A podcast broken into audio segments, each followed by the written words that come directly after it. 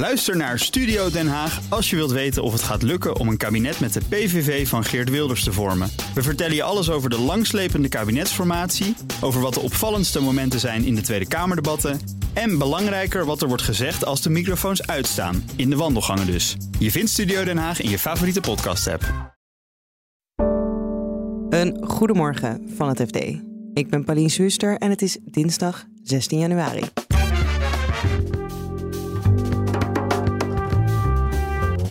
Pieter Omzicht wil dat mensen via een referendum zelf kunnen kiezen of ze mee willen doen aan het nieuwe pensioenstelsel. Dan zit je nog sowieso decennia lang zit je vast aan dat oude stelsel waarvan we eigenlijk hadden bepaald dat dat niet meer voldeed. Centrale banken zijn slachtoffer geworden van hun eigen beleid. Ze hebben zichzelf in de, in de voet geschoten als het ware. En we gaan het hebben over CSRD. Hier letters waar iedereen het over heeft. Dit is de dagkoers van het FD. Een grote groep bedrijven is dit jaar gestart met het verzamelen van gegevens voor de nieuwe Europese duurzaamheidsrapportage-richtlijn CSRD. Hoe ze zich daarop hebben voorbereid, bespreek ik met onze ESG-redacteur Marceline Bresson. Maar eerst, wat is het, die CSRD? Je hebt natuurlijk het jaarverslag, het financiële jaarverslag. En de meeste grote bedrijven hebben ook al een duurzaamheidsverslag, waarin ze dus inderdaad in kaart proberen te brengen van wat is onze maatschappelijke voetafdruk. En het idee achter de CSRD is dat dat daar een standaard voor komt. Nou, verandert er wel eens vaker iets aan hoe iets gerapporteerd uh, moet worden. Waarom is iedereen dan zo met deze verandering bezig? Waarom is dit zo'n big deal? CSRD, ja, dat is toch in één keer heel veel wat op bedrijven afkomt. En als jij gewoon als één ding moet veranderen in je, in je jaarverslag, oké, weet je wel, dan uh, haal je gewoon je accounting, stop, steek je alle koppen bij elkaar en dan. Uh, dan uh, ga je het anders doen en dan uh, nou, is het meestal één of twee zeg maar, nieuwe gegevens die je moet gaan aanleveren. Er zit natuurlijk ook een heel proces achter. Maar de CSRD vraagt bijvoorbeeld van sommige bedrijven dat ze, dat ze misschien wel 200 of 300 nieuwe gegevens moeten gaan verzamelen. En dat is niet, is niet iets wat je zomaar ergens op de plank hebt liggen. Dat moet uit alle hoeken van de organisatie komen. Dus die organisatieprocessen die moeten als het ware opnieuw ingericht worden. Wat voor soort gegevens zijn dat dan? Als je een verpakking hebt, voor, maakt eigenlijk niet uit wat voor product. Uh, ik zeg maar eventjes je je IKEA-stoel of zo, die komt in een uh, kartonnen doos. Welk percentage van die grondstoffen van die doos is gerecycled? Dat zijn dingen waar bedrijven nu over moeten gaan rapporteren. Ja, en allemaal gegevens die je nooit hebt vastgelegd. Nou ja, sommige gegevens heb je al vastgelegd of was je misschien al wel mee bezig. Maar er zijn ook een aantal nieuwe gegevens inderdaad, ja. En hoe lang zijn, uh, want dat geldt nu voor grote bedrijven, hoe lang zijn die al bezig met zich hierop voorbereiden? Nou, de meeste grote bedrijven toch wel twee jaar, anderhalf jaar, zeg maar. Er is ook best wel lang uh, onduidelijkheid over geweest, over die standaarden, van wat zit er nou precies in. We wisten dat dit ging komen, dat is echt al een paar jaar geleden. Maar pas afgelopen zomer werd precies bekend van dit zit erin, dit is wat je moet gaan doen. Dit is, dit is meer, zeg maar, de, er kwam wat meer uh, duidelijkheid. Maar uh, nou, bedrijven als Philips en ASML, die zijn hier toch al wel anderhalf jaar mee bezig. En wat houdt dat in, ermee bezig zijn? Nou, dat je dus uh, zeg maar eigenlijk die, die processen om die gegevens uit je organisatie te verkrijgen gaat optuigen. Dus er zit ergens, uh, ik noem maar wat, je hebt ergens een productielijn.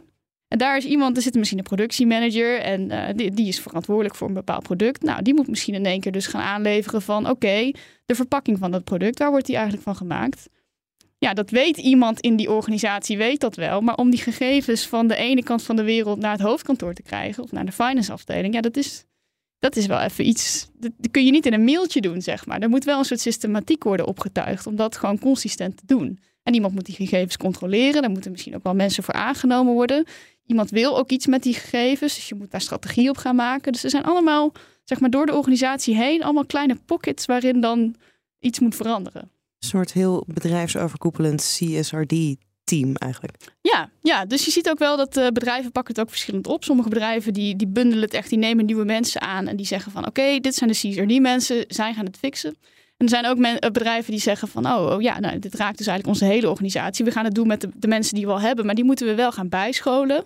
Die moeten snappen waarom dit belangrijk is. Uh, sommige bedrijven leggen, beleggen het meer zeg maar, aan de accountingkant. Van oké, die accountants die gaan het oppakken. Andere bedrijven zeggen juist meer van nee, het moet echt vanuit de productkant komen. Dus het is voor ieder bedrijf anders. Ieder bedrijf is anders georganiseerd.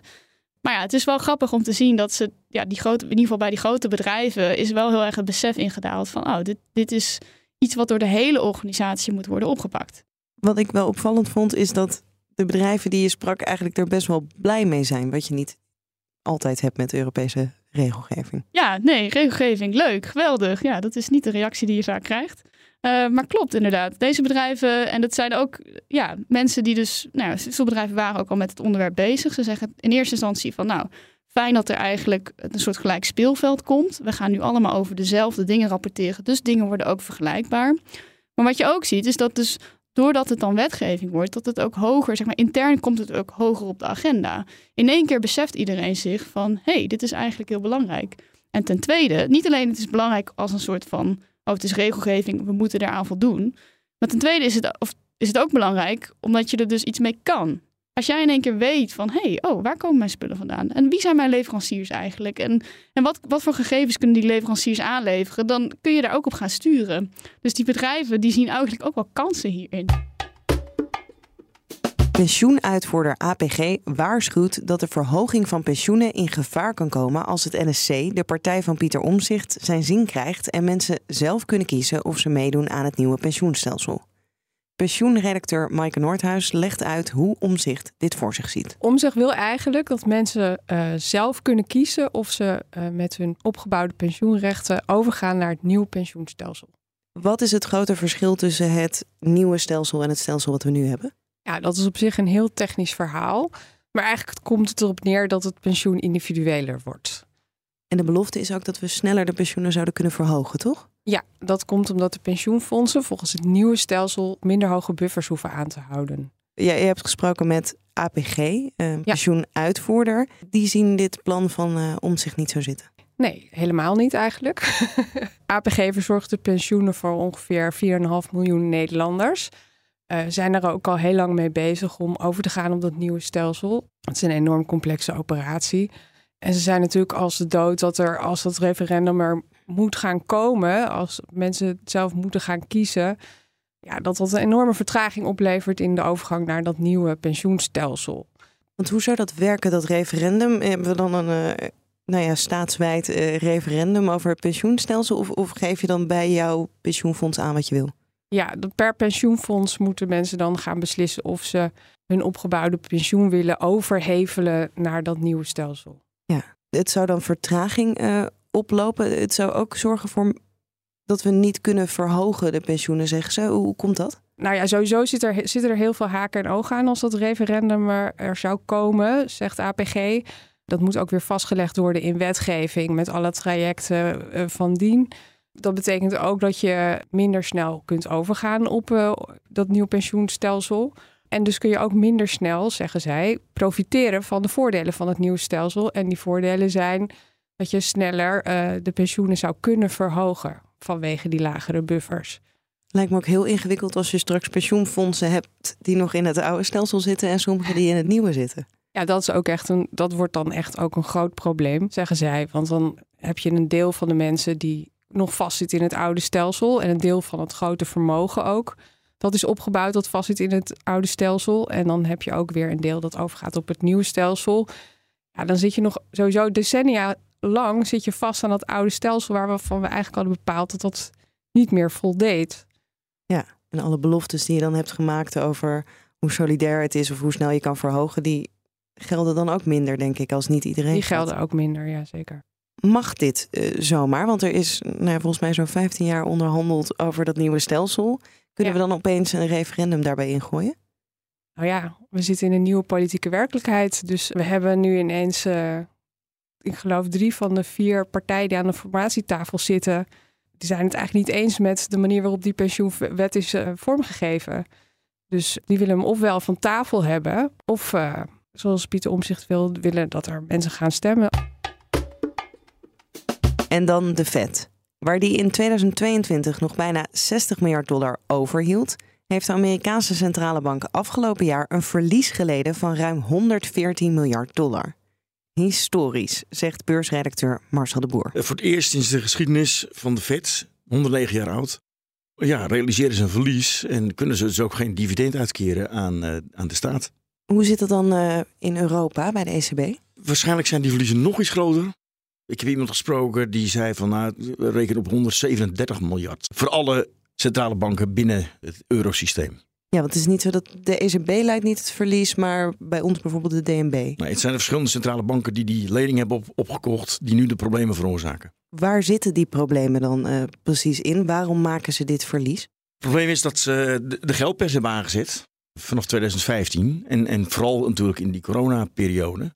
En wat houdt dat in de geldpers aanzetten? Wat, wat doe je dan als centrale bank? Nou, je koopt leningen op in de markt uh, en dat geld dat slaat dan ergens in het systeem uh, neer bij bedrijven uh, en ook gewone particulieren. die, krijgen dat, die krijgen dat geld en die zetten dat op een rekening bij de bank. Ja, en dat is veel meer dan er nodig is om het systeem draaiende te houden. Ja, want hoe werkt dat dan? Want banken mogen, individuele banken mogen geen geld over hebben, toch? Nee, ze moeten iedere dag moeten ze een boek opmaken. Dan moet het weer een evenwicht zijn. Dus in- en uitgaven. Uh, ja, en als ze meer geld overhouden dan, er, uh, dan ze nodig hebben, dan, ja, dan moeten ze daar ergens uh, mee, mee terecht. Namelijk naar Frankfurt bij de centrale bank. Maar vroeger, toen zorgde de centrale bank er altijd voor dat, dat die gelden in evenwicht bleven. Er was bijna geen overtollig liquiditeit in het systeem. Vervolgens uh, barstte die crisis los. Banken vertrouwden elkaar niet meer. Want normaal gesproken leen je dan, uh, als je tekort hebt, leen je het gewoon van een andere bank die te veel heeft. En dan ja, blijft de zaak in, in evenwicht. Maar die banken leenden niet meer aan elkaar. Je moest voor je geld naar de centrale bank. En die zei toen van nou, dan zorgen we ervoor dat er voldoende geld is dat niemand tekorten uh, loopt. Ja. Nou, prima. Maar toen gingen ze dus uh, de geldpers aanzetten, kwam er ontzettend veel uh, geld in het systeem terecht. Uh, ja, en dat slaat dan iedere dag bij de centrale bank neer. en de centrale, centrale, bank moet daar de, het depositotarief bij betalen. Ja, en nou ja. in de tijd van de lage rentes kregen ze geld? Ja. Nou ja, dus de rente ging ondertussen ook omlaag. Op een gegeven moment zelfs werd die negatief. Dus toen moesten de banken geld toeleggen op het, op het geld dat ze in uh, Frankfurt stalden. Doffe ellende voor die banken. Maar inmiddels is de rente opgelopen naar 4%. Ja, en vervangen ze dus 4% uh, in plaats van dat ze bijvoorbeeld uh, 0,5% moesten betalen. Hè? Ja, dus eigenlijk ook door zelf de rente te verhogen, hebben ze zichzelf ook heel veel geld uh, gekost.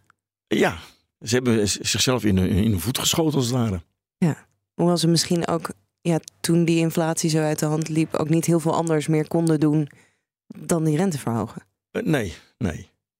Nee, ze wisten ook van tevoren wel dat dit zou kunnen gaan gebeuren. Ja. Nou ja, goed. En, en ze lopen nu gewoon een tijdje verliezen. DNB heeft gezegd dat ze vermoedelijk tot 2028 geen uh, dividend zullen kunnen betalen. Er wordt gewoon geen winst meer gedraaid. En, en daarna dan uh, zijn die verliezen weer weggewerkt en dan gaat het weer uh, positief. Want als een centrale bank verlies leidt, dan nou kunnen ze geen dividend uitkeren aan de staat. Maar uh, kost het ons dan geld? Moeten wij dan bijstorten? Waarschijnlijk niet. Een centrale bank kan moeiteloos met een, negatief eigen, vermogen uh, functioneren. Het is geen bedrijf of zo die dan uh, failliet gaat. maar het staat een beetje raar. Dat je, want ik bedoel, een verlies gaat af van je eigen vermogen. En als die op een gegeven moment negatief wordt, ja, dan is dat heel gek. Maar goed, dat maakt helemaal niet uit, want ja, we zijn met z'n allen uh, die centrale bank.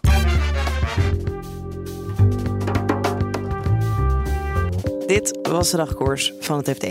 Wil je onze verhalen niet alleen luisteren, maar ook lezen? Probeer dan het FD vier weken voor slechts 1 euro. Ga naar ft.nl/slash dagkoers en meld je aan.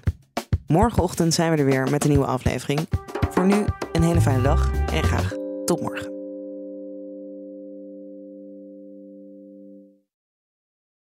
Ook Diana Matroos vind je in de BNR-app. Ja, inderdaad. Je kunt live naar mij luisteren tijdens de Big Five.